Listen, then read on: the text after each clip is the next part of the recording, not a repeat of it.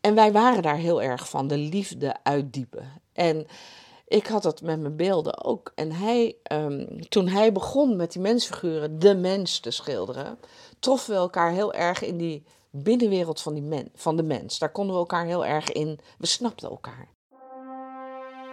Welkom bij de podcast Het Atelier van, waarin ik ateliers bezoek van kunstenaars, vormgevers, architecten, goudsmeden en fotografen. Of terugga naar het atelier van de herinnering. Mijn naam is Hester Wandel. Ik ben kunsthistorica en museologe. En ik ben geboren in een atelier. Ateliers zijn de rode draad in mijn leven, door mijn werk in musea, maar ook het kunstenaarschap van mijn moeder. Ga je mee naar het atelier van Vandaag eh, ben ik weer in Amsterdam. Het is weer een zaterdag. Ik ben van Amstelveen naar West gereden en ik ga op bezoek bij Carina Schaapman. Daar was ik al eens eerder in Oost.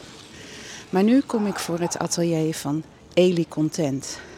Haar man die afgelopen jaar overleden is. Ik heb hem toen nog gezien in haar atelier. Hij heeft de podcast ook nog gehoord en stak een duim op, liet Carina me weten. Ik heb het afgelopen jaar, want dit was al in november 2021, af en toe via de app contact gehad met Carina. Ze heeft me op de hoogte gehouden van het overlijden van Eli en van het boek dat uitkwam en een tentoonstelling.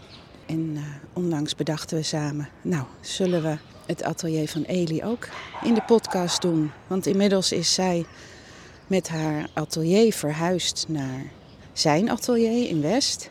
En hun huis is echt een huis geworden waar ze op de kleinkinderen kan passen. Dus nu ga ik naar het atelier van Eli. En het muizenhuis staat er ook. En dat heb ik natuurlijk nog nooit van zo dichtbij gezien. Dus uh, ga je mee?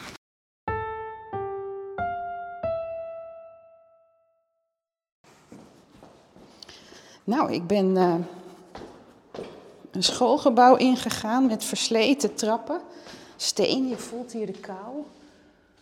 Dus de, uitgesleten stukken. En dan kom ik hier op de eerste etage.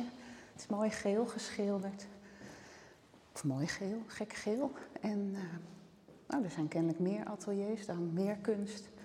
En hier op 12e is het atelier van Eli. Hoi. Hallo, goedemorgen. Nou, welkom. Ja, het is alweer lang geleden. Hè? Het is ja. uh, meer dan een jaar. Ja, een jaar alweer. Ja. God. ja. En dan kom ik hier in een oud klaslokaal. Ja. Toch? In een mengsel van Eli en Carina. Ja, in een uh, gezellig kacheltje. Want ik vond het op de gang al best koud. Maar uh, een pelgrimkachel, oh lekker warm.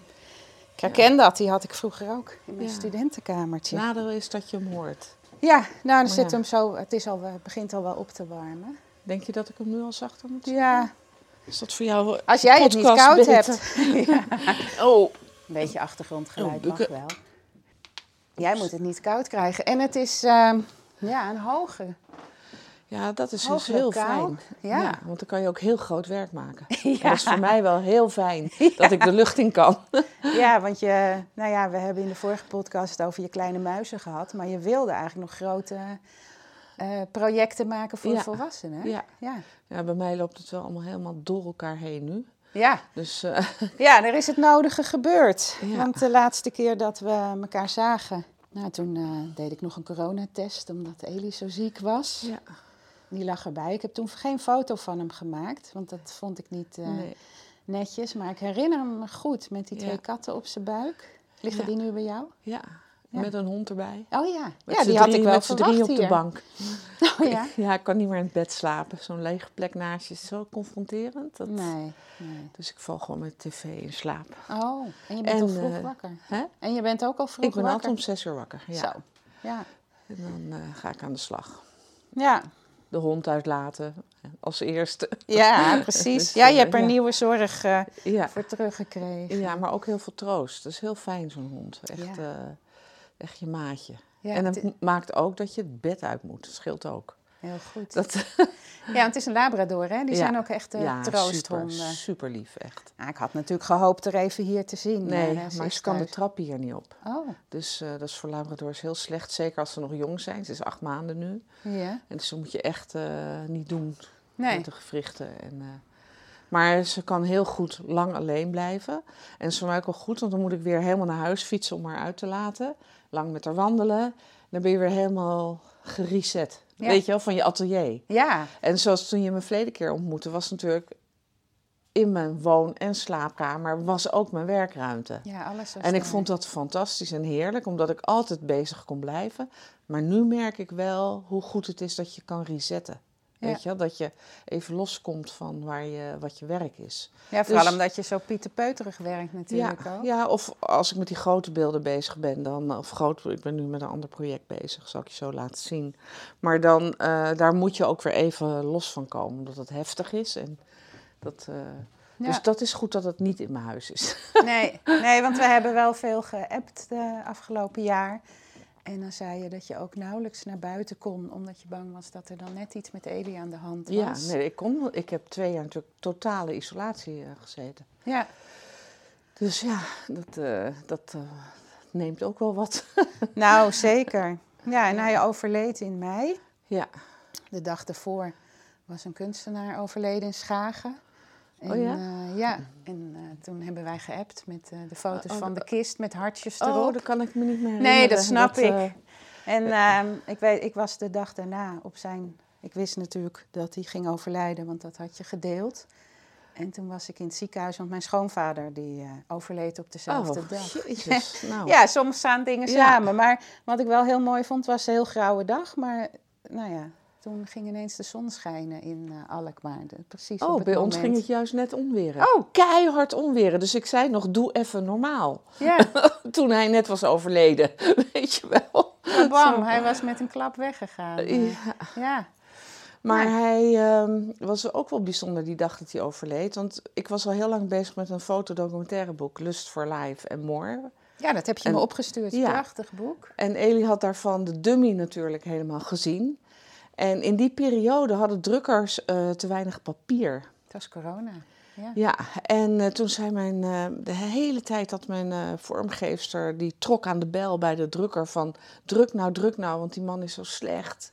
En hij wil zo graag nog de gedrukte versie natuurlijk in zijn handen houden. Ja.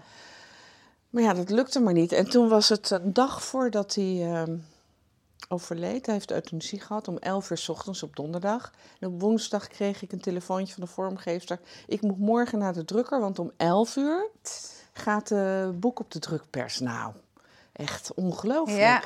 Nou, Maar toen zei eh Elie wel, die vond het helemaal geweldig. Want die had dan zoiets van, nou hè, dat, eh, dat gaat in ieder dan is geval het goed. volbracht. Ja, Ja. ja. Dus, en hij wist natuurlijk wat voor een papierkeuze het was en noem maar op. En, hè, nou, hij, hij is heel betrokken geweest bij het boek. Maar ja, het is toch iets anders dat je het echt in je handen houdt als het gebonden en gedrukt Ja. is en vormgegeven. voelt ja. ja. en ruikt. ja. Maar hij rookt niet meer, geloof ik. Eh, heel, heel slecht Ja. nog, ja. ja. Maar wel mooi, ondanks alle triestheid, dat je dat samen hebt kunnen doen. Ja, fantastisch. En het is ook zo'n waardevol document geworden, omdat het echt, wat ik daarin heb vastgelegd, is echt het einde van het kunnen creëren. Onder alle slechte omstandigheden waaronder die zat, creëerde die natuurlijk eindeloos. En wat ook nog wel bijzonder was, dat hij toen niet meer kon creëren, toch nog een paar maanden heeft kunnen leven, terwijl dat niet de eindklap was. Want ik dacht altijd, als hij niet meer kan creëren, dan is het over. Ja, toch was het moeite ook zonder creëren de moeite. Het ja leven bijzonder. zonder creëren de moeite, waar het bleek. Maar dat, je weet het van tevoren allemaal nooit. Nee, maar hij lag daar natuurlijk wel tussen zijn creaties. En ik weet ook uit die podcast dat hij zo genoot van dat werk van die eh, Michael, Tetja. ja, zeker. Ja, hij had En voor jou bleef hij natuurlijk. Ja, nou ja, niet helemaal voor mij. Het bleek toch ook op het eind dat hij eh, ontzettend aan het vechten was tegen het idee dat eh, hij had voor zichzelf bedacht of verinnerlijkt dat de nazi's zijn hele familie hadden uitgemoord. Dus hij zou en moest blijven leven. Want anders sterft er natuurlijk ook een generatie weer uit. Ja. En dan worden de namen niet meer genoemd in de synagoge. En ja, dat Ja. kwam er dus ook nog wel even aan het eind, toen hij al zijn schermen zo'n beetje verloor. Hè, dat verlies je als je zoveel ja, verzwakt raakt. Dan heb je weinig nog eh, maar, eh, kracht om, om je groot te houden. Toen kwam dat er toch ook wel uit hoor. Ja, zo. Want ik zei nog tegen hem, nou dan wordt die beginquote toch wat anders in ons boek. Wat was hem ook alweer? Ja, de beginquote was... Ik heb ehm, het hier. Ja, moet je, van eh lievelingsschrijfster van hem, Clarice. Mijn eh, hemel, wat staat liefde de dood in de weg. Ja, Clarice Lispector. Lispector. Ja, en toen dacht ik van... Oeh, er is ook nog wel meer dan dat in de weg staat. Ja, En eh, een levenskracht eh, van heb ik jou daar. ja, Ja. En zijn naam is ook mooi, Content. Ja. Hij is heel content Ja. met... ja, dat was zij ook, hè? Ja. Ja. ja, ik las ook dat, eh, dat iemand zei dat, dat hij... Nee, dat hij zei dat hij herinnerd wilde worden als een Aardig mens. aardig mens. Ja. En dat iemand zei dat, het, dat hij iemand was om verliefd... Of waar je Ja. sowieso van hield. Sowieso werd iedereen verliefd op. Ja? Maar je had veel concurrentie. nou, dat was soms ook wel eh, hardnekkige liefdes die zich aandienen. Oh Van die ja? onmogelijke liefdes. Maar eh, ja, dat heb je als iemand beminnelijk is en eh, inspirerend en heel aardig voor je is. En Ja. Dat schept verlangen en eh, Ja, nou ja, ik, verwachtingen en dat soort dingen. ja, Ja. ik heb hem natuurlijk maar één keer gezien en ik heb natuurlijk nu die foto's allemaal bekeken. En het, het straalt inderdaad zoveel vriendelijkheid Ja. uit. Ja, heel veel sympathie. En, en je leerde ook echt veel van hem. Dus dat was voor mensen ook heel aantrekkelijk. Dat hij bracht heel veel aan mensen. En dat lees je ook als je... Ik geloof, Mr. Motley heeft een keer een heel mooi interview... met een oud-student van hem gedaan. Ja. En eh, hoe hij ook in het leven stond, zo was hij ook met studenten. En studenten hadden daar waanzinnig veel aan. Dus hij was meer een vader voor ze. Of ja, een- Begeleider. een geleider. Of eh, hij bracht ze heel veel in aanraking met van alles en nog wat. Dat kon eten op de Chinees op de Zeedijk zijn. Met eh, christelijke jongeren die... eh want het staat natuurlijk op een christelijke academie in Kampen. Ja. Ja, daar heeft en, hij... eh, dus hij 25 jaar Ja, hij heeft heel lang lesgegeven. Dat werd later Zwolle, de, de kunstacademie. Maar ehm, ja, dan moet je die kinderen, de, of jong volwassenen, de wereld laten zien. Dat is het enige waar je aan kunt ontwikkelen. Als je, ja. en dat en- in Kampen, ja. Nou ja, dus hij nam zoveel mee, mee naartoe en hij liep iedereen eruit. Want hij liep heel veel altijd, weet je wel. En dan was hij toch al op leeftijd. Maar hij heeft mensen zoveel laten zien. Echt aan ja, wat interessant is, belangrijk is. In de context van de geschiedenis. In, noem maar op. En altijd over kunst. Dus eh, ja, daar, daar waren die studenten natuurlijk heel gretig in. Ja, want hij, hij ehm, woonde in Amsterdam. Ja, Hij, hij, hij is in 1943 geboren, op Ja. de vlucht. Of zijn ouders waren op de vlucht ja tijdens de oorlog gevlucht naar eh, Zwitserland. Hoewel je dan niet weet dat je in Zwitserland terechtkomt. Hè. Je, begin, je neemt gewoon de trein. Vanuit En- Amsterdam. Vanuit Amsterdam. En eh, je gaat weg. En zijn eh, moeder was nog nooit verder geweest dan Zandvoort. Zo. Dus, eh, en zijn vader was eh, uit een slagersmilieu, kwamen die. Hij was eh, vleesvertegenwoordiger. En ja, zijn moeder was eigenlijk de slimme. Die zei van, we moeten gaan. En eh, de hele familie durfde niet of ja, had niet het vermogen. Want dat moet je ook. De vlucht is ook best wel dapper. Ja, Want je weet niet waar je naartoe gaat. Dus je, nou ja, via via weet je dan dat je op een gegeven moment de trein naar Antwerpen moet nemen. Dat dat een mogelijkheid is. Maar dan begint al de ellende dat op het moment dat zij de trein namen, was er een razzia gaande op het stationsplein. Dus, nou, en dan kwamen ze uit de trein in België en dan was er gelijk. eh, eh, weer een eh, oppakken van allerlei mensen. En toen heeft ze ook nog de trouwring aan de andere hand gedaan. En ze heeft ook nog. eh, Vanwege het geloof? ja, dat je niet kan zien dat ze een ander, Ja. dat ze Joods waren. Dat soort trucjes. En ehm, toen had de hele familie geld voor hun bij elkaar gezameld, zodat zij konden vluchten. Dus, eh, en toen had zijn vader dus weer dat geld in zijn schoenen laten zitten, weet je wel. En dan buiten gezet in een hotelletje wat ze hadden genomen. Ach. En van dat soort dingen. Dus voordat je er bent, dan moet je erachter komen. Waar kan ik een andere identiteit aannemen? Nou, want ze moesten katholiek eh, zijn, haar blonderen, want ze zagen natuurlijk zwarte haren. Eh, andere naam aannemen, eh, valse identiteitspapieren, voordat je dat allemaal hebt. Ja, en toen En- was ze hoogzwanger, of, of al zwanger. Nee, of- nog niet. Oh, dat nee, niet. nog niet. Dus eh, ik noem hem altijd de vrucht van de vlucht. Ja, recht van de vlucht. Ja, Ja, En eh, ja, die, eh, ja, dan kom je in het grote Frankrijk. Je spreekt de taal niet. En dan moet je, nou ja, maar mensen bereid vinden die jou verder helpen. En dan kwam je op een gegeven moment natuurlijk op het platteland. En op het platteland waren er dan boeren die soms wel en soms niet durfden te helpen bij. Maar dan moet je dus echt die hoge bergen in de sneeuw uh, over die bergtoppen voordat je in Zwitserland en aankomt. lopend. En heel veel mensen haalden ook dat niet, want die verdwaalden onderweg. Dus het, is, het was niet makkelijk vluchten. En dan kwam je in Zwitserland aan en daar zijn maar een paar duizend Joden opgevangen. De rest werd geweerd. Oh. Dus dat is ook nog een dingetje. En uh, nou ja, toen kwam zij daar dus zwanger aan. En dan uh, zit je in Zwitserland en dan word je in hotels ondergebracht, zo, hè, vol vluchtelingen. En dan is het, uh, ja, er kan natuurlijk. we hebben, mijn dochter heeft een werkstuk gemaakt over die vlucht. Oh, ja. En ja, en dan toen ze, dat was haar afstuderen, niet haar afstuderen, noem je dat, profielwerkstuk voor de VWO toen. Mm. En toen heeft ze een breder getrokken, die vluchtroutes in kaart gebracht. En toen kwam ze bij het Nationaal Archief in Den Haag. En daar hadden ze nog een map van degenen die uit Zwitserland terugkwamen. Want, wat was er nou? Als je in Zwitserland kwam, moest je registreren. Maar dan werd ook alles geregistreerd. En je komt daar natuurlijk met je, ja, je hebt niks. Je hebt een tas en je hebt je kleren, maar die zijn natuurlijk al snel vies en op en, en, en, en vergaan. En met een baby, of hoe oud was nee, hij toen? hij moest nog geboren Oh. worden, zwanger, Ja. weet je wel. En eh, dan zit je in zo'n hotel en dan eh, krijg je dus bonnen en dan mag je dan je eh, eh, een nieuwe schoenen, als ze, of eerst moest je laten lappen, maar als het dan niet meer ging, kreeg je nieuwe schoenen. En wij zagen dus al die bonnen. Al die bonnen werden geregistreerd. Want dat was nou het geval. Je moest na de oorlog dat allemaal terugbetalen. Oh, Maar je kreeg van de overheid ook niet meer dan dat je op dat moment nodig had. Dus dan zie je, eh, nou, dan is ze zwanger. Dus dan moet ze met een taxi naar het ziekenhuis, want ze moest een keizersnee. Dat moest dan natuurlijk betaald worden. Maar je kreeg ook dat de kleertjes, ja, je hebt geen kleertjes voor zo'n baby. Maar dan mag je een rompertje. En dan had zijn vader twee pyjamaatjes meegenomen van de bedeling. Dan moest hij weer één pyjamaatje terugbrengen.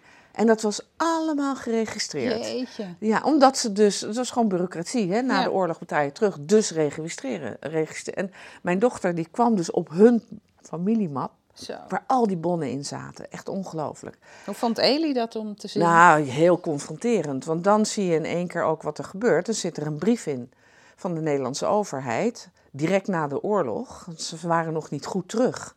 Komen erachter dat iedereen vermoord is. Dus moet je nagaan, je hebt je huis niet meer. Hè? Er wonen allemaal andere mensen in. Je hebt niets meer. Ehm, het verliezen van mensen op de vlucht, als je terugkomt, betekent niet dat je in één keer weet dat iedereen is overleden. Dat gaat natuurlijk mondjesmaat. Elke maand is er weer een bericht. Oh, die is er niet meer.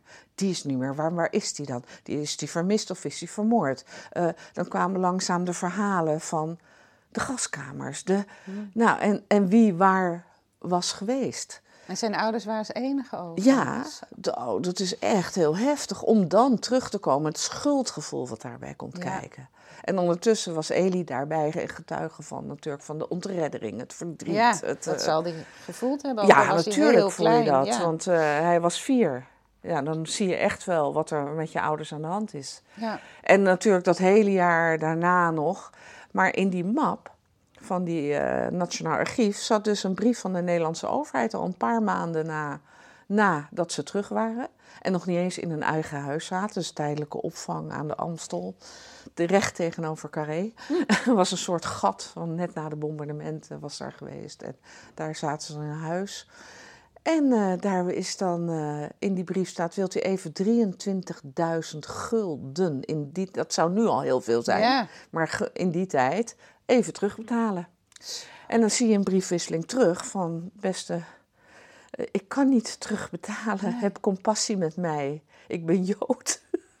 Zo'n brief zie je dan nou, dat Ja. is waanzinnig confronterend. Nou. En dan komt er gewoon een brief overheen. Er is geen compassie, je moet wat gewoon betalen.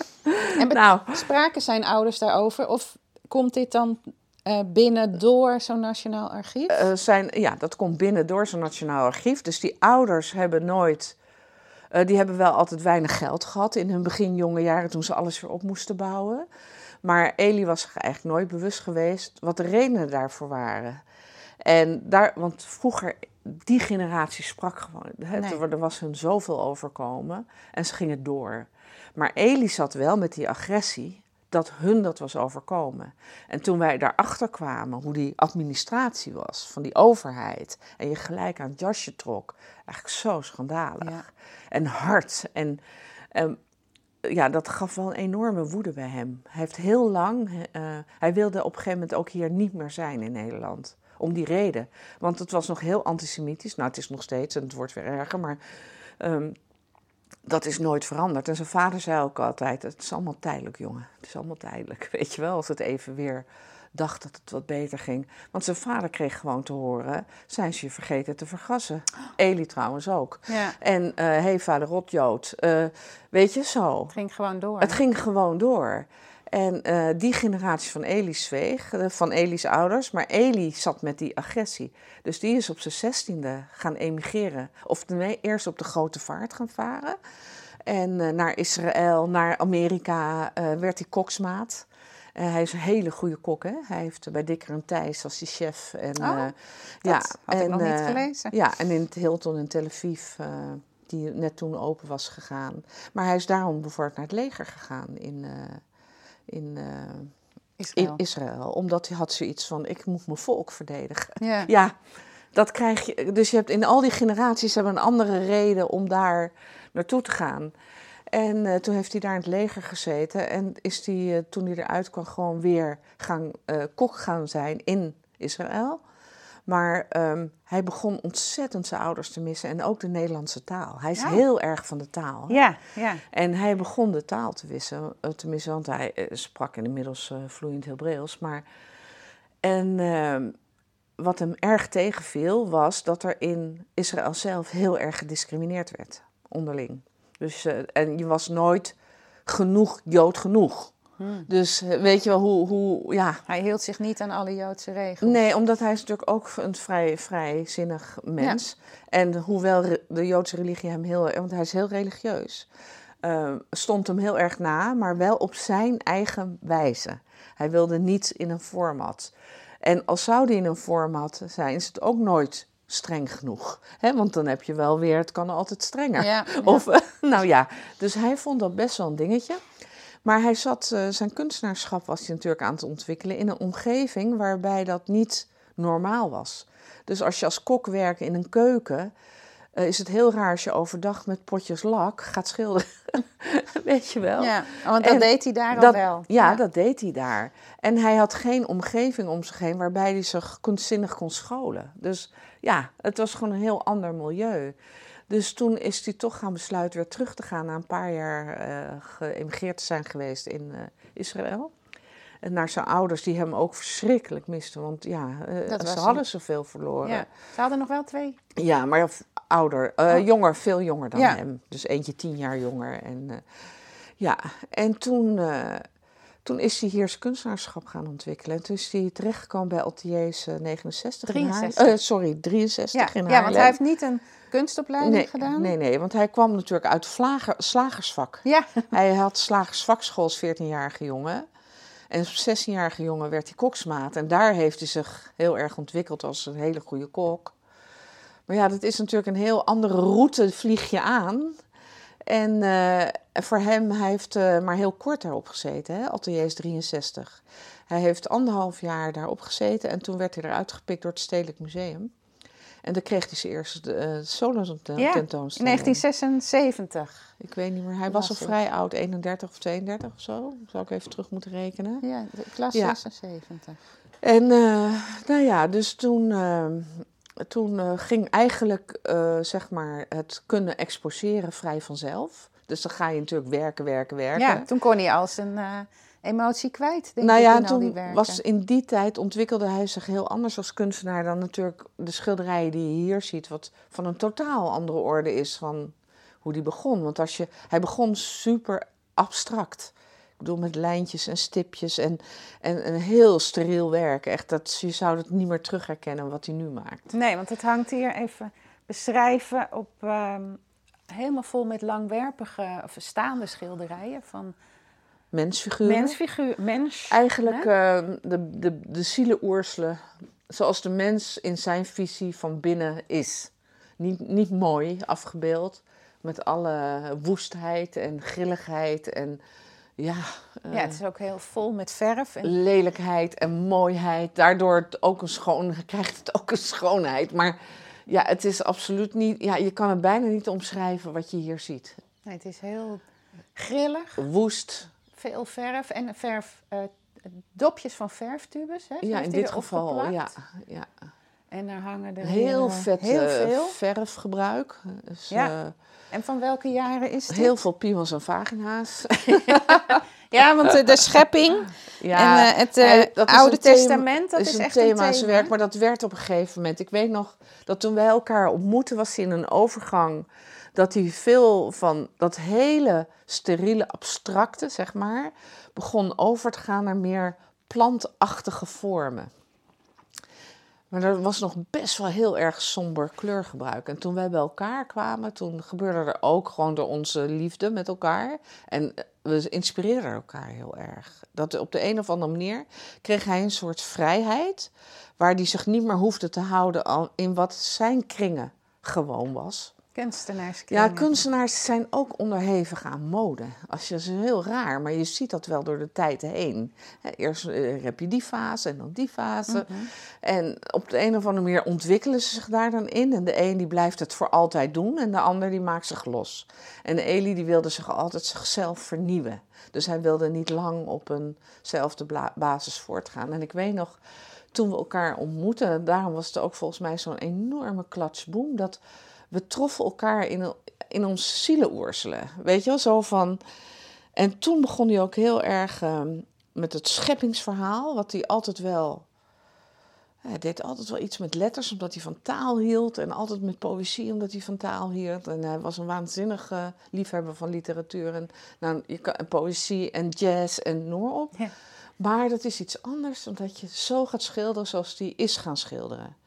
En ook het materiaalgebruik, maar ook eh, ja, allerlei andere soorten materialen ging die toen eh, toepassen. En hoe leerden jullie elkaar kennen? Ja, heel, gewoon heel suf. Op het, je had in Amsterdam Café de Pels en daar was een bankje voor het café. En daar zat Eli op. En eh, ik liep voorbij. En het was klasboom. Nou, het was heel stom, want ik had net een schrijfdag. En zo'n dag, ik weet niet of je dat kent, maar als je een hele dag zit te schrijven, en aan het eind van de dag ben je zo'n beetje helemaal verstijfd. En dan heb je het hartstikke koud gekregen. En het was een middenzomerdag, hè? Maar omdat je dan de hele dag zit te schrijven. En ik had het hartstikke koud. En ik had echt zo mijn haar in een soort van cavia eh, kapsel, weet je wel.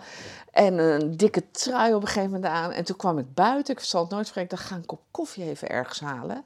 Niet bij Café de Pels, want daar kwam ik nooit. Daar liep ik Sta langs. 26 jaar eh, voorbij. En hij zat daar wel. Maar de- dat wist ik niet dat dat zijn stamcafé was. Ik ging altijd naar Café de Zwart op de spui. Eén kop koffie en dan ging ik weer weg.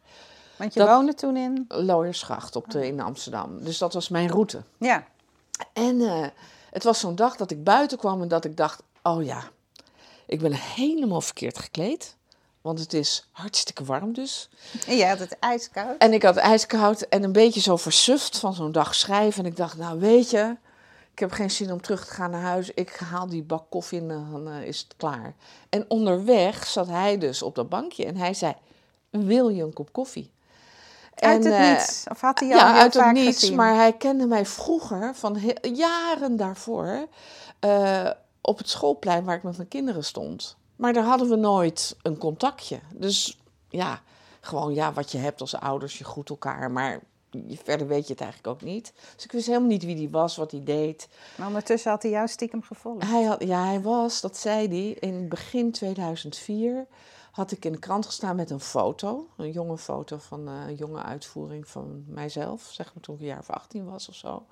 En hij was verliefd geworden op die foto. Ach. En hij had gezegd, ik weet niet waarom, maar dat sloeg zo in dat hij kon daar niet meer, zeg maar, los van komen. Maar het was heel lastig, want hij zat in een andere relatie. Maar dat was hem zo bijgebleven. Dus toen hij me echt zo dichtbij voorbij zag komen, toen zei hij, wil je een kop koffie? Ja. En ik zei ja. Maar Ja. ik wist dat natuurlijk helemaal niet. Hij En toen, zag nog eh, steeds de schoonheid in je, terwijl je eruit zag als een cavia. Nou ja, blijkbaar. Dus. En totaal niet erop gekleed op Nee. het weer wat het was.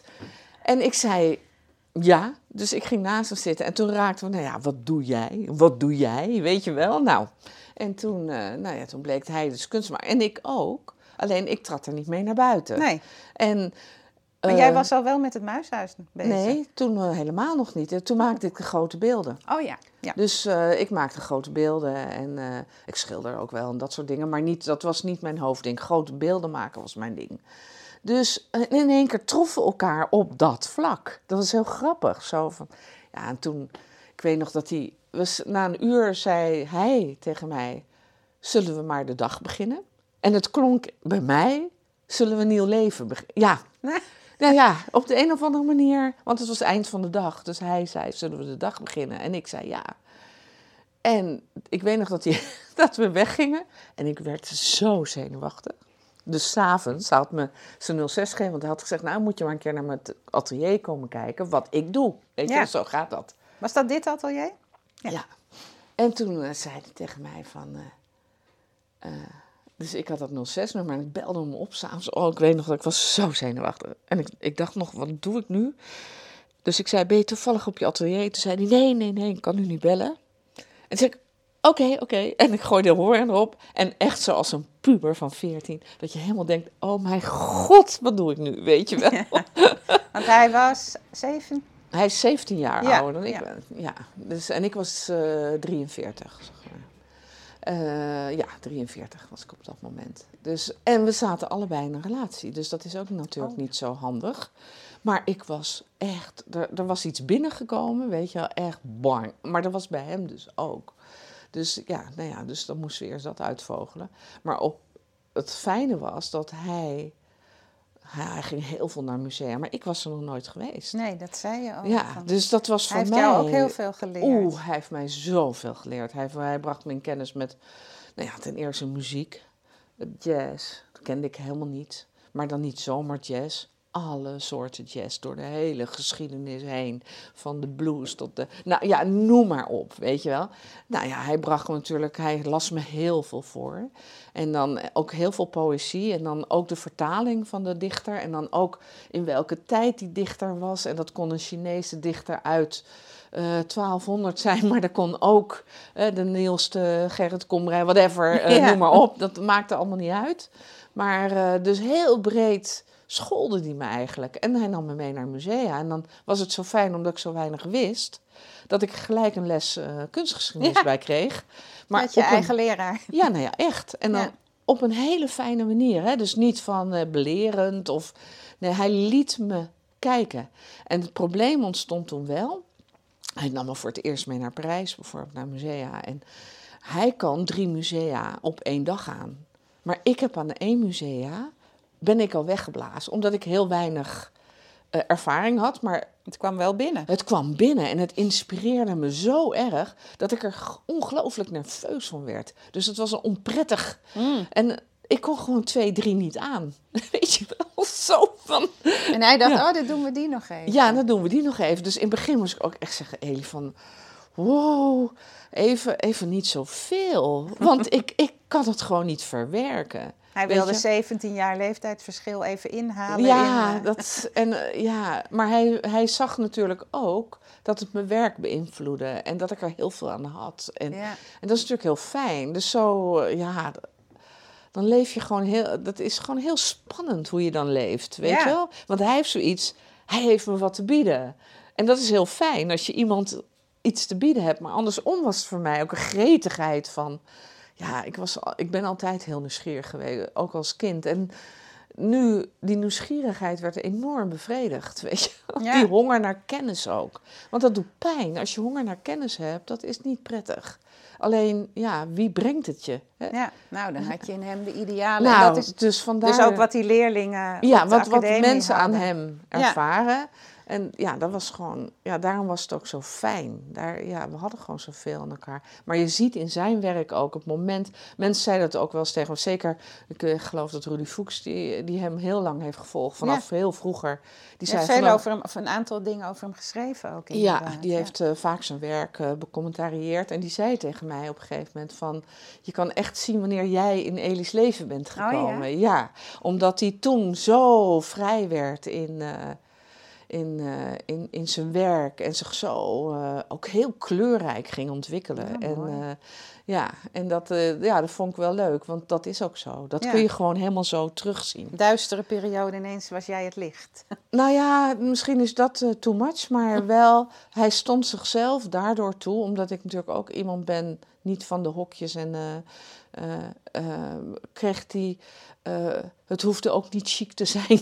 Nee. In kunstkringen heb je toch wel vaak, het moet een beetje voldoen aan iets. En er hangen weer kringen omheen en die vinden ook weer van alles. Ik vind het best een hele harde wereld. Daar schrok ik wel van. Toen ik met hem in contact kwam, en dan natuurlijk ook met vrienden, dat ik het wel ze genadeloos hard naar elkaar toe vond. Niet die indirect eh, zeg maar contact, maar hoe ze over elkaars exposities spraken. Ja. Dat vond ik best wel een gewaarwording. Want ik dacht, kijk, ik exposeerde zelf niet. Dus ik kende dat niet, maar ik weet wel, dat heb ik natuurlijk als eh, schrijfster en politica geleerd, dat je heel kwetsbaar bent als je publiek gaat. Ja. Dat, eh, dus ik dacht, je weet zelf als kunstenaar hoe kwetsbaar je bent als je werk toont. En iedereen beleeft er iets anders aan. Dat mag en dat kan en dat moet vooral ook. Maar vindt er dus daardoor ook wat van. Hè, en dat, dat is best wel, een, daar moet je tegen kunnen. Ja. Heel veel kunstenaars kun, trekken dat ook niet. Nee, het kan snel worden afgedaan Ja. als van nou, dat is ook niks. Of, Ja, eh, en dan moet je ook nog dat een bepaalde kring bepaalt of kunst kunst is. Nou, dat is ook nogal een dingetje. Dus heel veel kunnen ook niet tegen die druk dat ze bijvoorbeeld niet de ruimte krijgen om te exposeren. Want dat voelen ze bij zichzelf als ik ben slecht of ik doe er niet toe, ik word niet gezien. Dat geeft heel veel gevoelens bij kunstenaars. Ja, want je geeft alles Je bloot geeft in je alles werk, bloot. ja. En dus vond ik het best wel een gewaarwording dat kunstenaars ten opzichte van elkaar vaak dus zo venijnig waren op elkaar. Weet je wel? Dat ik dacht, het lijkt wel alsof het een middelbare schoolklas is eh, met een beetje kinderzinnen. Ja, concurrentie. Ja, Bang concurrentie. dat de ander en, eh, eh, tentoonstelling krijgt en jij niet. ja, en als je het dan niet krijgt of bij een bepaalde groepstentoonstelling bent uitgenodigd, alsof dat dan ook een persoonlijke eh, aanval is. Terwijl het soms gewoon maar ook, ook maar weer door een commissietje is samengesteld. Die, ja, het, het zegt helemaal niets van jouw werk. En, dus het is voor een kunstenaar, heb ik wel gezien bij veel kunstenaars toen. Het is wel een moeilijk eh, ding om, om jezelf gaande te houden. ja. Dus ik was heel blij dat ik niet behoorde tot die conventies. En altijd gewoon heb gedaan wat ik ja, eigenlijk heel vrij gewoon heb gewerkt. Ja, Dus, En ja. dat zag hij weer bij jou. Dat vond hij en, natuurlijk en mooi. dat, en dat bracht bij hem weer zoiets van... God, ja joh, het gaat toch gewoon om het scheppen. Ja. En de scheppingsdrang. En, ehm, en v- wat ik zo fijn vond, want ik, ik, ik werk in een gigatroep het allerbeste, weet je wel. En ehm, bij mijn vorige man, eh, niks ten, ten nadele van hem, maar hij vond toch dat ik wel heel veel troep maakte. en Elie vond... En jij deed dat toen ook, ook thuis? Ja, Ja, altijd. ja. Ik heb altijd. Ik heb altijd. Dus dwars tussen het opvoeden van vier kinderen door. eh, was het bij mij één grote zooi van maken. Ja. Dus je kinderen zijn daarin opgegroeid. Maar voor mij was het geen troep. Maar voor hem natuurlijk wel. Kom je thuis en dan ligt alles vol, weet je wel. Moest hij alles opzij schuiven om zijn Ja. bordje neer te zetten? En voor die kinderen was het heerlijk. Want die zijn daardoor ook heel creatief. Altijd met materialen omgegaan. Dus ja, alleen ik, ik, was, ik zat niet in die kunstwereld. Nee. Dus voor mij was eh, scheppen eh, gewoon de drang, maar niet. Ik, ik kon er ook heel makkelijk afstand van doen. Dus Maar je kon het ook zo oppakken omdat, het je, omdat je het dichtbij had. Maar Ja. Elie had... ehm, al, jullie zijn denk ik meteen gaan samenwonen? Of nou, nou ja, dat, eh, ja, we konden echt niet meer zonder elkaar. nee. Toen en dat was in Oost, daar zijn jullie gaan wonen. Ja, toen ben ik zeg maar bij hem ja, gaan wonen. En toen had hij gewoon zijn atelier en hij werkte Ja, en hier. hij had dit atelier en dan overdag dan bestond eigenlijk onze gang zo dat we gingen 's ochtends vroeg naar het Waterloopplein iedere ochtend, behalve op zondag. Want dan eh, was het Waterloopplein dicht helaas, anders waren we op zondag ook daar naartoe gegaan. En dan startten we eerst de dag met eh, dingen zoeken, want hij was een verzamelaar en ik zocht dingen om dingen mee te creëren. Ja. En dat was eerst nog voor die beelden, maar later gewoon voor het muizenhuis, wat natuurlijk heel dankbaar is. En hij was ook dol op boeken, dus daar vond hij natuurlijk, hij heeft een oog voor schatten, eh, dus hij vond daar schatten. Die va- sa- vaak ook museaal waren, waardoor die dat ook weer naar musea bracht. Of, Oh. eh, weet je wel, zo. Dus voor ons was dat een sport. Dat Ja. zoeken tussen inboedels. En, en we kennen natuurlijk al die marktkooplui. En ja, dat, Die hielden ook wel eens wat ja, die wisten ook wat wij zochten, weet je wel. Dus dat, dat was al een leuke start van de dag. En dan ging hij naar zijn atelier en dan ging ik naar huis. En dan werkte ik thuis aan alles en hij in zijn atelier. Dus dat is natuurlijk hartstikke fijn. Ja. En dan kwam die thuis 's avonds en dan gingen we gewoon weer door. Dan aten we en meestal kookte hij voor mij. Ik ben in die periode ook echt 20 kilo aangekomen. ja, want Elie is een beetje van overmaat. Hè? Dus hij kan en heel goed koken, heel lekker, maar ook heel veel. Mm. Dus hij heeft een periode gehad. Er toen- kon altijd iemand langskomen. ja, sowieso aten er altijd mensen mee. En ik heb dat toen nog op die uitvaart eh, van hem ook nog als voorbeeld gegeven. Elie zei altijd gedag tegen mensen. Hoi, hoe gaat het?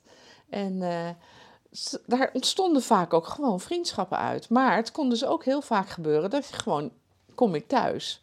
En dan zaten er vreemde mensen thuis. Want Elie had ze op straat gedag gezegd, tegengekomen, praatje gemaakt. Kom maar hier. Mm. En ik zal nooit vergeten, het was echt zo'n mooi verhaal. Ik heb dat op de uitvaart verteld. Dat eh, op een gegeven moment kom ik thuis, Elie is thuis, met twee Koreaanse vrouwen. Prachtige vrouwen. En eh, jong. En eh, wat bleek nou, die zaten op de kunstacademie in Korea. Die waren naar Amsterdam gegaan om te kijken, een beetje naar wat vrijere kunsten te kijken. En die waren op zoek naar musea. En eh, kwamen Elie tegen, vroegen de weg naar een museum. nou, raakten in gesprek en Elie had zoiets, kom maar mee naar huis. Wat leuk. Weet je, en toen waren we thuis en dat was zo bijzonder. Want we raakten natuurlijk in een gesprek en zij vertelde hoe stijf en vast zij werden gedrild op die academies daar. Hè. Je moet de perfecte eh, glazen eh, glas, of een, maar niet de vrije, je vrije zieleoerselen laten gaan. Dus toen zei het, de musea waren al dicht ondertussen. Toen zei hij, nou kom maar mee naar mijn atelier. Dus ik met hem mee, met die twee vrouwen, naar het atelier. Net in een periode met enorm veel piemels en vagina's en eh, heel vet werk. En Ja. weet je, echt heel vrij werk ook. Nou, ik zie ze nog binnenkomen. En eerst echt waar ze werden bleek. En toen kregen ze blosjes op hun wangen.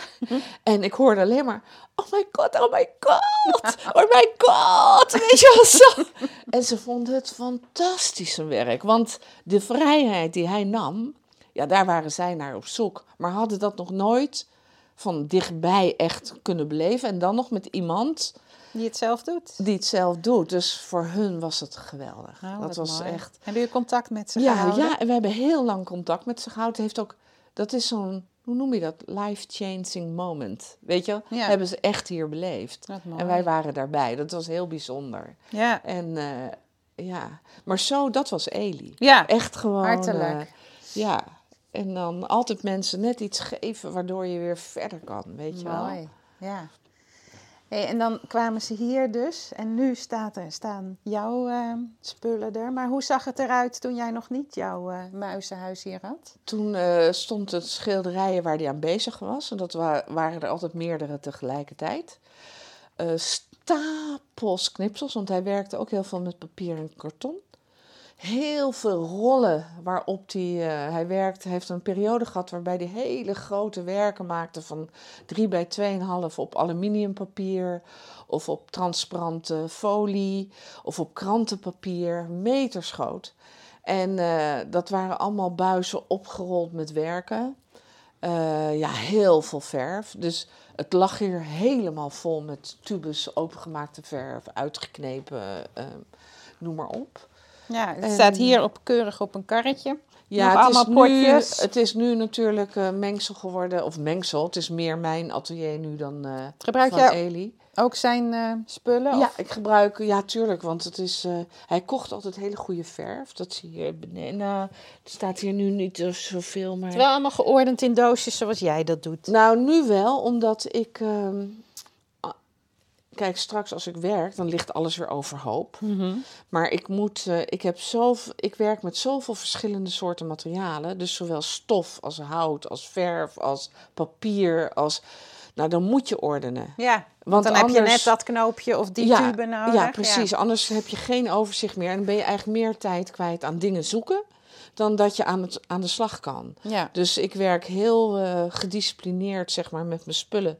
Dat ik, ik heb lades vol papier, karton, eh, noem maar op, mooi papier, gek papier, noem maar op. Ja, kan je En dat, eh, bij Eli was dat alleen lades vol met tekenpapier. Weet je Hm. wel? Dus dat is dan net het verschil. En natuurlijk hier kasten vol stofjes. Maar ook kralen en potjes en dingetjes. En, maar wel geordend. Ik weet Ja. precies waar alles ligt. En houtbewerking doe ik natuurlijk ook. Ja. En eh, stoffen. En, nou ja, je kan het zo gek niet Nee, opnemen. en de vloer is helemaal mooi. Ehm, ja, het is eigenlijk ook een kunstwerk bij. ja, dat is de afdruk van Eli. Ja, zeg maar. allemaal Dat, eh, verfspetters. allemaal verf van Een hem. cirkel van een eh, emmer verf die er stond. Ja, en dan heb Rechthoeken ik, van een, een ehm, blaadje wat hij misschien geschilderd heeft, waar de randjes zo Ja, precies. Ja, hij werkt heel veel met schablonen, hè? dus eh knipt de schablonen uit.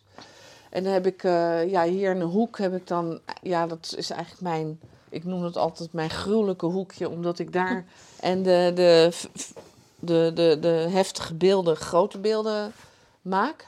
Die ik nu op het ogenblik niet hier heb staan. Maar goed, het, eh, Ja, want daar ben je weer mee eh, verder ja, gegaan. ook weer mee verder. Maar ik ben nu bezig met een. een er hangt hier een hele grote foto die ook in het einde zit van het boek van Eli, een naakt. Waarbij hij aan het eind van zijn leven helemaal vol staat met slangen en een zuurstof en voedingspomp en eh, pomp voor de antibiotica. En hij ademt dan al door een tracheostoma en noem maar op. Ja, hij en is dat- hier levensgroot hè? levensgroot. En ehm, ik wilde de, zeg maar, met, het, met dat mens zijn. Want wat ik ontdekte toen ik eenmaal op dit atelier was, is dat wat ons ook bond, is wij waren allebei dol op fotoboeken, maar altijd een beetje op fotoboeken die heel heftig waren. Bijvoorbeeld eh, fotoboeken van Boris Michailov, zeg je dat wat? Dat is een Oekraïense fotograaf en die toont mensen en kinderen in hun wezen, in hun zijn. Maar dat zijn straatkinderen, mensen die eindeloos op de straat leven en daardoor hun lichaam is helemaal verwaarloosd in alle opzichten. Kapot vaak, eh, eh, vaak met uitstulpingen of met etterende builen. Heel heftig.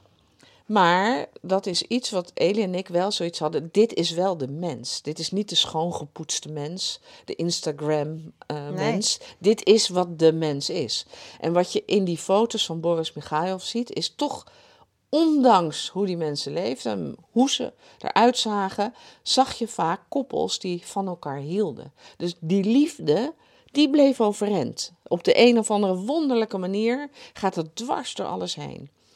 En wij waren daar heel erg van, de liefde uitdiepen. En ik had dat met mijn beelden ook. En hij, ehm, toen hij begon met die mensfiguren, de mens te schilderen, troffen we elkaar heel erg in die binnenwereld van, die men, van de mens. Daar konden we elkaar heel erg in, we snapten elkaar. Ja, mooi. En toen ik Elie verzorgde, verzorgde ik natuurlijk heel erg de techniek van zijn lichaam. En er moest hier een buisje in, daar een buisje in, noem maar op. En het was wonderbaarlijk hoe zo'n lichaam zich, ondanks de ziekte en het vergankelijkheid ervan, no- nog overeind bleef. Dus toen ik deze foto had gemaakt, is het bijna een iconische foto geworden. Waar je met al die slangen ziet rechtop staan. Het ging nog net. En eh, toen zei ik, laat me een foto van je maken. Dat vond hij ook allemaal goed. Nou, dat wilde hij ook graag. Ah, Want ja. hij wilde graag afgebeeld worden zoals de mens is. En hij hield heel erg van foto's van zichzelf. En ehm, daar heeft hij ook kasten vol, heb ik daarvan. Echt gewoon allemaal foto's van ja, totaal rare situaties. Waarvan ik altijd dacht, maak geen foto van mij. Want ik vind verschrikkelijke foto's wat jij van je maakt. Echt op je alleronvoordeligst. Weet je wel? En het is een paar keer gebeurd dat zijn fototoestel is gejat uit de Oh. fiets had. En ik echt zo dacht, oh mijn god, ik hoop niet Nee. dat, eh, dat eh, iemand daar iets mee doet, weet je wel. Zo van, eh. Maar, om even terug te komen op zijn beeltenis, over die techniek van zijn lichaam. Hij was altijd heel spiritueel, of eh, religieus, en ik niet. Ik ben heel aards, heel, eh, en ik ben er ook niet van. En toch kon dat samen op een kussen. En als ik naar zijn werk keek, dacht ik, ja, jij, jij schildert eigenlijk de, de ziel.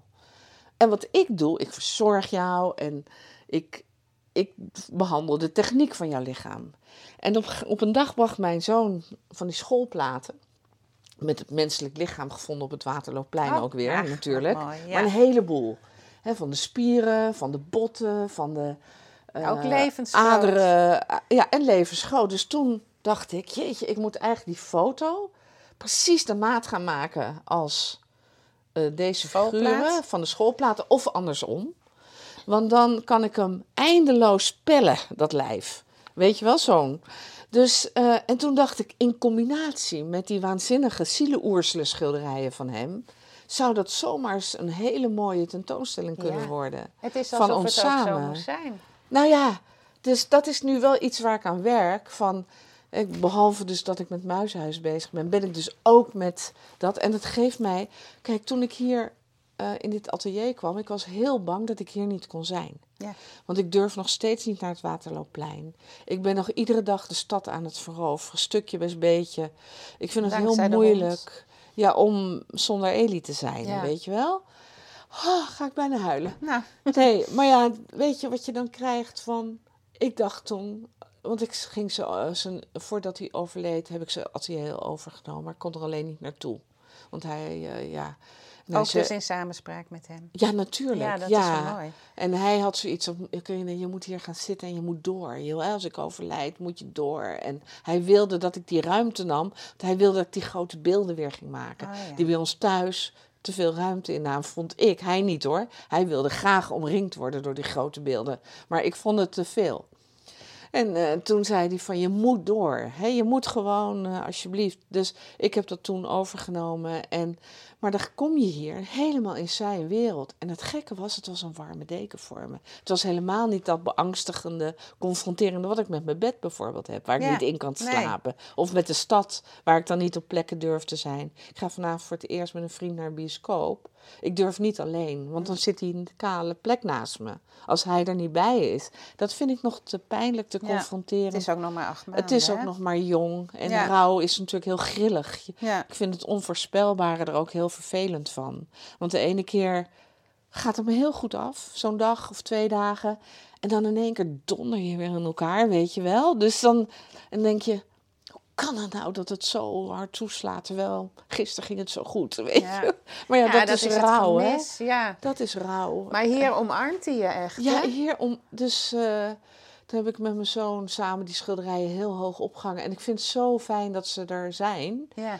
En eh, ja, dus, eh, dus het doet me goed. En eh, kijk, zo mooi, eh, dat heeft hij dan weer geschreven. Daar werkte hij toen nog mee. Ziel. Ja, dat is een, ehm, een schabloon om de letters te schilderen. Ja, En daar staat ziel. ja, Ja, ja. en daaronder hangt een, een popje, een klein skeletje met een dikke buik. En die, die platen doen me heel erg denken aan een boekje wat mijn moeder vroeger had.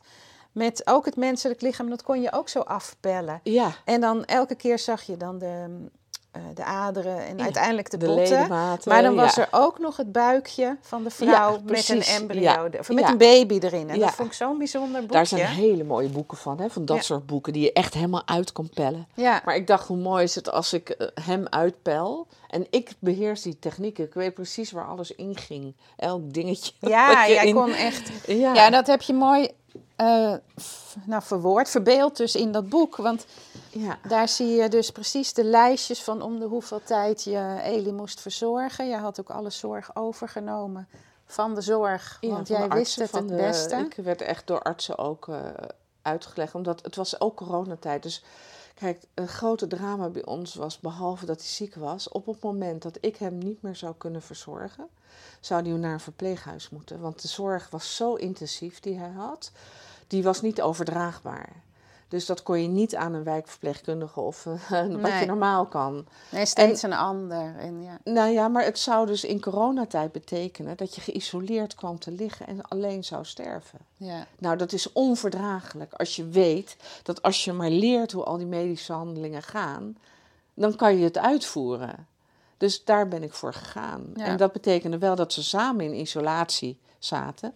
Maar doordat we weer aan het creëren waren tijdens die ziekte, ja, ik zat gewoon naast zijn bed mijn decors te maken. En hij vanuit zijn bed zat hij al die maskers en poppen en, en dat ging maar door. Dus we zeiden ook tegen elkaar, dat was zo bizar. Dan keken wij naar de buitenwereld, die, we gingen soms in het halletje zitten en dan liep iedereen voorbij.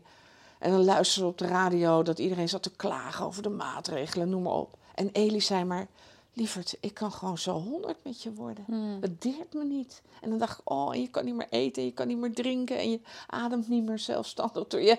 En Maar zijn hart deed het nog. zijn hart Ja. klopte nog en zijn geest, eh, ja, hij was enorm eh, speelse geest had hij ook. Dat kun je zien aan het werk wat hij ondanks de ziekte maakte. Ja. En, ja, eh, dat boek, dat is prachtig. Heel persoonlijk inderdaad. Ja, eh. maar ook een document van een kunstenaar die ook zichzelf blootlegt. Want je ziet aan het eind van het boek, ehm, dan is hij anderhalf jaar verder in zijn ziekte en ernstig eraan toe. Dan zie je dat zijn poppen bijna monsters worden. En zijn binnenwerk hè, eh, gaat hij dan maken. Terwijl in het begin van het boek is hij nog bezig met zijn herstel. Dan zie je vrolijke maskers en eh, al heel ander kleurgebruik, weet je. Ja. Dus het is ook een interessant boek van een kunstenaar die ja, ei- eindigt, dat weet. En blijkbaar dus ook nog zijn kunstuiting, zijn diepste zielenoerselen blootlegt. Er verschijnt op een gegeven moment steeds een kindje in de buik. Dat is het kindje wat doodgeboren is, waar hij heel veel verdriet van, voldragen kindje, wat bij, tijdens de bevalling is doodgegaan, waar hij heel veel verdriet van heeft gehad, maar waar nooit ruimte voor was. Ja, en bij mannen is dat al helemaal een ding. En zeker van zijn generatie mannen waren niet zo gewend om met de dood van een kind te dealen. En dat is zo mooi als je dat terugziet in zijn werk. Dan denk je, ja, daar komt dat kind. Het wordt niet verteld hoor, maar je, je kijkt naar en Ja. je ziet het. En dat is natuurlijk wel heel mooi. Dat, Ja. Dat, ja, dus ik dacht, het is interessant genoeg om vast een boek van, te maken. En omdat hij foto, en wij allebei fotoboeken gek zijn, was het natuurlijk voor de hand liggend dat het een, eh, Dat het een fotoboek een werd. fotoboek Ja. werd. Ja. Nou, en het is ook heel fijn dat hij eh, dat dus zelf mede heeft gemaakt Ja, door jou. ja, heel mooi. Ja. Hé, nog even, want nu we hier toch zijn, dat Ja. muizenhuis van jou staat hier dus. Het was in de bibliotheek, maar op een gegeven moment kwam het terug. Ja. En je hebt op eh, Twitter foto's geplaatst. Dat het, nou ja, Eli heeft het ook nog eh, vlak bij zijn bed gehad. ja, hè? zeker, ja. En eh, de kat zat er af en toe in, maar je Ja. bent het aan het eh, restaureren. Hè? Ja, het is zo dat eh, het stond tien jaar in de openbare bibliotheek. En toen op een maar dag... wel in een vitrine. Ja, en op een dag sprong spontaan... Het is drie meter hoog, hè, het muizenhuis. Spont, sprong spontaan de vitrine van de het, bibliotheek. Er zat blijkbaar een onzichtbare sch- eh, breuk in, wat dat, dat schijnt te kunnen. En dan bouwt de spanning zich op. En ik, op een dag klapte die met Zo. een grote klap. eh. maar dat betekent dat er veel schade is die ik eh, moet restaureren. Heel veel glassplintertjes zaten Ah, ja. erin. En eh, ja, gelukkig stond er geen kind bij, want anders waren er echt eh, vreselijke ongelukken gebeurd. Ja. En, eh, maar ja, goed, nu staat hij hier en hij gaat eh, verhuizen naar ons nieuwe onderkomen. Nieuw onderkomen. Ja, we krijgen een. eh, we, we zitten nu in de Jordaan met een soort mini-museum waar decorstukken staan. Niet alle decorstukken. Er Nee. staan- Er staan nu ook decorstukken in het museum 20, van de 20e eeuw in Horen en in Groningen. Ik heb zoveel gebouwd, joh, in 13 jaar. Ja, er staat eh, in het museum, of ons eigen museum, staat echt 20 meter havendecor, maar ook het circus, de kermis, ehm, heel veel decors. Ja, maar want- het, zeg maar het eerste decor, het muishuis, staat dan hier. En eh, die ga ik ook nog verhogen. Ik ga hem hoger maken. Nog Eh, hoger dan ja, drie meter. Dan drie meter. En waarom? We hebben een nieuw onderkomen gekregen op Muntplein. Oh. Ja. En eh, dat is dus een grotere pand, waarbij we eh, ja, hem zeg maar veel ja, groter ook kunnen tonen. En eh, mooier ook nog dan dat we hem eerder konden tonen. En dat wordt ons hoofdkwartier, want we zijn inmiddels natuurlijk, de boeken zijn in zoveel landen uit. En ja, er komt ook een eh, animatie, eh, televisieserie komt eraan. Oh, en dat is ook dan weer een internationale serie. Wordt geproduceerd door de ZDF en de Franse televisie. Dus ehm, we, ja, we hebben tegenwoordig ook veel buitenlandse gasten. Niet alleen degene die komen kijken, maar ook gewoon de zaakwaarnemers en noem maar op. Dus het wordt echt ons hoofdkwartier. En ja, dat komt ook ons kantoor. We hebben nu een kantoor in Noord. We hebben inmiddels natuurlijk ook best wel veel personeel. En, dus we zijn een heel groeiend internationaal bedrijf. En dat vraagt om een andere ruimte. En, Hartstikke eh, centraal. en dat, dit is super centraal. Daar kan iedereen komen. Want we hebben nu ook al heel veel fans uit het buitenland hoor. Die Ja, je had een hele beroemde van de week. Ja, hè? dat is waar. Dat, eh Ricky's. Ricky, ja, ik kan zijn naam nooit Nee, uitspreken. ik weet het ook niet. Gervais. Gervais, Gervais Gervais. of Gervais, of nou ja. Met zijn eh, vriendin. eh, Met zijn vrouw. En een bestseller-auteur is zij ook, die me eigenlijk al heel lang volgt. Dus hij heeft Jane eigenlijk Ricky, Of Janet, wat is het? Jane Fallon. ja. En eh, hoe heet het? Zij heeft eigenlijk hem meegenomen hier naartoe. Maar nu wordt ze natuurlijk de hele tijd genoemd als de vriendin van. ja. Maar het zou eigenlijk zijn Ricky de vriend van. Maar zij hebben het gedeeld op Twitter en Ja, ging, Instagram. eh, en dan ga je viral. Dan ga je viral. Dat is een enorme historie. En dan vind ik dan ook alweer soms zo cynisch. Want dan denk je, dan moet je voor de afgelopen twee boeken, wat hele mooie boeken zijn geworden, dan moet je smeken om media-aandacht. En die krijg je dan niet voor je boek, weet Mm. je wel. En dan komt er zo'n komiek langs. en in één keer Ja. kan alles. Maar En, hij eh, zei wel, dit is gebouwd door één vrouw. Ja, Dus de bewondering is er wel. Nee hoor, dat, ik bedoel, ik zit niet om, eh, om complimenten te verlegen. Nee. Maar het is, het is gek hoe die wereld werkt. Van viral gaan. Ja, ik ken hem ook niet, want ik, ik bedoel, ik zit op Twitter, maar... nou, daar groei je ook ge- daar groei ik wel, maar ik heb wel een vaste kern. Het is niet zo dat... eh, ik bedoel, ik heb gewoon, geloof ik, gemiddeld eh, op een dag iets over de 200 eh, Likes. likes, maar niet. Het is, ik zie bij anderen wel eens, die hebben gewoon een heel leuk tekstje plaatsen. Dan hebben ze 2000 eh, likes of zo. Dat heb ik absoluut niet. Nee. Maar ik heb wel een hele trouwe schare. En ook mensen die gewoon echt van genieten. Dus eh, die zeggen dan ook, dat kan je ook zien op mijn Twitterpagina. Ik word er zo blij van. Of het maakt me zo ja, vrolijk. Of eh, ik vind het zo mooi. Of ik ben ook gaan knutselen. Of ik, hè, Ja. Het inspireert mensen altijd. En dat zijn zowel mannen als vrouwen. Dat is heel leuk. Ja, want je wil de wereld wat mooier en zachter Eh, maken, ja, als dat toch? zou kunnen, zou dat heel fijn zijn. Ja, ja. En dan krijg je straks... Maar jij gaat niet in dat hoofdkantoor zitten. Jij gaat gewoon door met creëren hier, of niet? Ik ga creëren op mijn ding, maar ik zal wel vaker daar zijn, omdat we ook workshops gaan geven. Hmm. En die ga ik wel geven. Leuk. Dus eh, dat vind ik erg leuk. En we zullen natuurlijk ook schoolklassen ontvangen. En, hè, dus ik, eh, ik vind met kinderen werken altijd heel erg leuk. Dus dat, dat, eh, dat geeft mij ook weer inspiratie. Want ze komen altijd met hele leuke dingen aan. Echt, waardoor ik denk, oh ja, weet je, hartstikke goed, dat moet ik onthouden. En, dus dat is een soort kruisbestuiving. Mooi. Ja. En nou wil ik nog één ding zien. Want jij zei dat je een kunstenaarsatelier hebt gebouwd in je muizenhuis. En dat is geïnspireerd op het atelier van Eli. Ja, dan zie je, even kijken. Er hangen zelfs door hem gemaakte schilderijtjes in. Oh ja? Ach ja, ik herken het. Zie je? Ja. En hier tekeningen van hem. Oh, En ja, hier zo al die dingen. Hele minuscule tubetjes. Hoe heb je die dan gemaakt? Van een buisje aluminium en dan dichtgeknepen. Ja. Heel klein. Ach, en hele kleine etiketjes. Wat schattig. Ga je zijn boekje ook nog in het miniatuur maken en erin Nou, zetten? zover ben ik nog niet. Nee. Nou, je wil hier waarschijnlijk ook niks aan veranderen. Nou, misschien doe ik dat wel. Ik heb er eigenlijk nog niet, helemaal niet over nagedacht. Ik ben eigenlijk nog volop aan het restaureren. Dus ik heb net dit weer allemaal hersteld. En Nou, dat is allemaal beschadigd Ja, door ja. eh, het glas. ja, er was een enorme klap, was dat. En eh, Nee, dus plastic. heel veel brak. Ja, het zat helemaal vol glas. Ik heb echt weken met een pincet hier alles uit zitten halen. Zo. Maar nog steeds hoor, zit er overal eh, glas tussen. Dus Maar nog even, ehm, nog hoger dan drie meter. Hoe moet je het dan bekijken van dichtbij? Nou, je, ja, we gaan het zo doen. Het, is, het wordt nog wel een constructie. Dat, eh, we gaan een constructie doen dat het omhoog gehaald wordt, alsof die zweeft. En daar omheen kan je lopen. Hmm. Dus ja, ik kan niet zo goed uitleggen hoe, hoe dat dan... Maar je kan op verschillende hoogtes kan je naar binnen kijken dan. Ja, via een trap kan je dan, eh, die er omheen gaat. eh, En dan met onbreekbaar glas. eh, ja, en dan met... eh, ja, zeker, ja. Ja. ja. Nou, Ja. mooi. Hey, hartstikke bedankt dat ik hier in het atelier mocht kijken. Ja, en volgens dank. mij moet je nu de verwarming, kachel maar weer aan doen, Ja, want koud, het wordt hè, wordt koud. Echt? Ja. Ja. Nou, voor het geluid was het goed, maar voor de kou niet. nou, dan ga ik Dankjewel. hem even aanzetten, want ik heb het ook koud. eh. Ja, Zo, even verwarmen. ja. En hier is ook gebroken glas. ja, dat is van Eli. Die haalde altijd alle spiegeltjes van de straat. En daar deed hij dan weer wat mee. Ja. Het was voornamelijk ook heel veel puinruim hoor, toen ik hier kwam. Ja? Mijn hemel.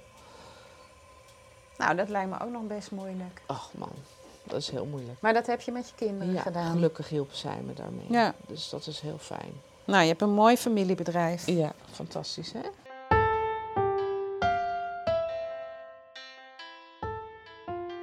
Dat was weer een fijn bezoek in het atelier. Krijg je er ook zo'n zin van om zelf aan het werk te gaan? Of ben je nieuwsgierig naar hoe het er bij een ander uitziet? Luister dan naar de volgende podcast, waarin ik weer bij een heel andere kunstenaar op bezoek ga. Denk je nu, kom ook eens bij mij langs? Of je moet toch eens echt bij die en die gaan kijken? Laat het me dan weten in de comment van deze podcast. Of via de mail hetateliervan@gmail.com Of volg me op Instagram via @hetateliervan. En vergeet je niet te abonneren op deze podcast, dan mis je nooit meer een uitzending. Tot de volgende keer.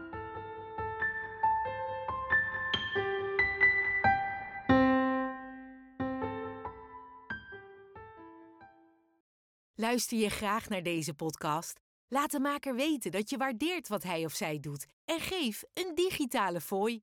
Dat kan zonder abonnement, snel en simpel via fooiepot.com. Fooiepot met een d.com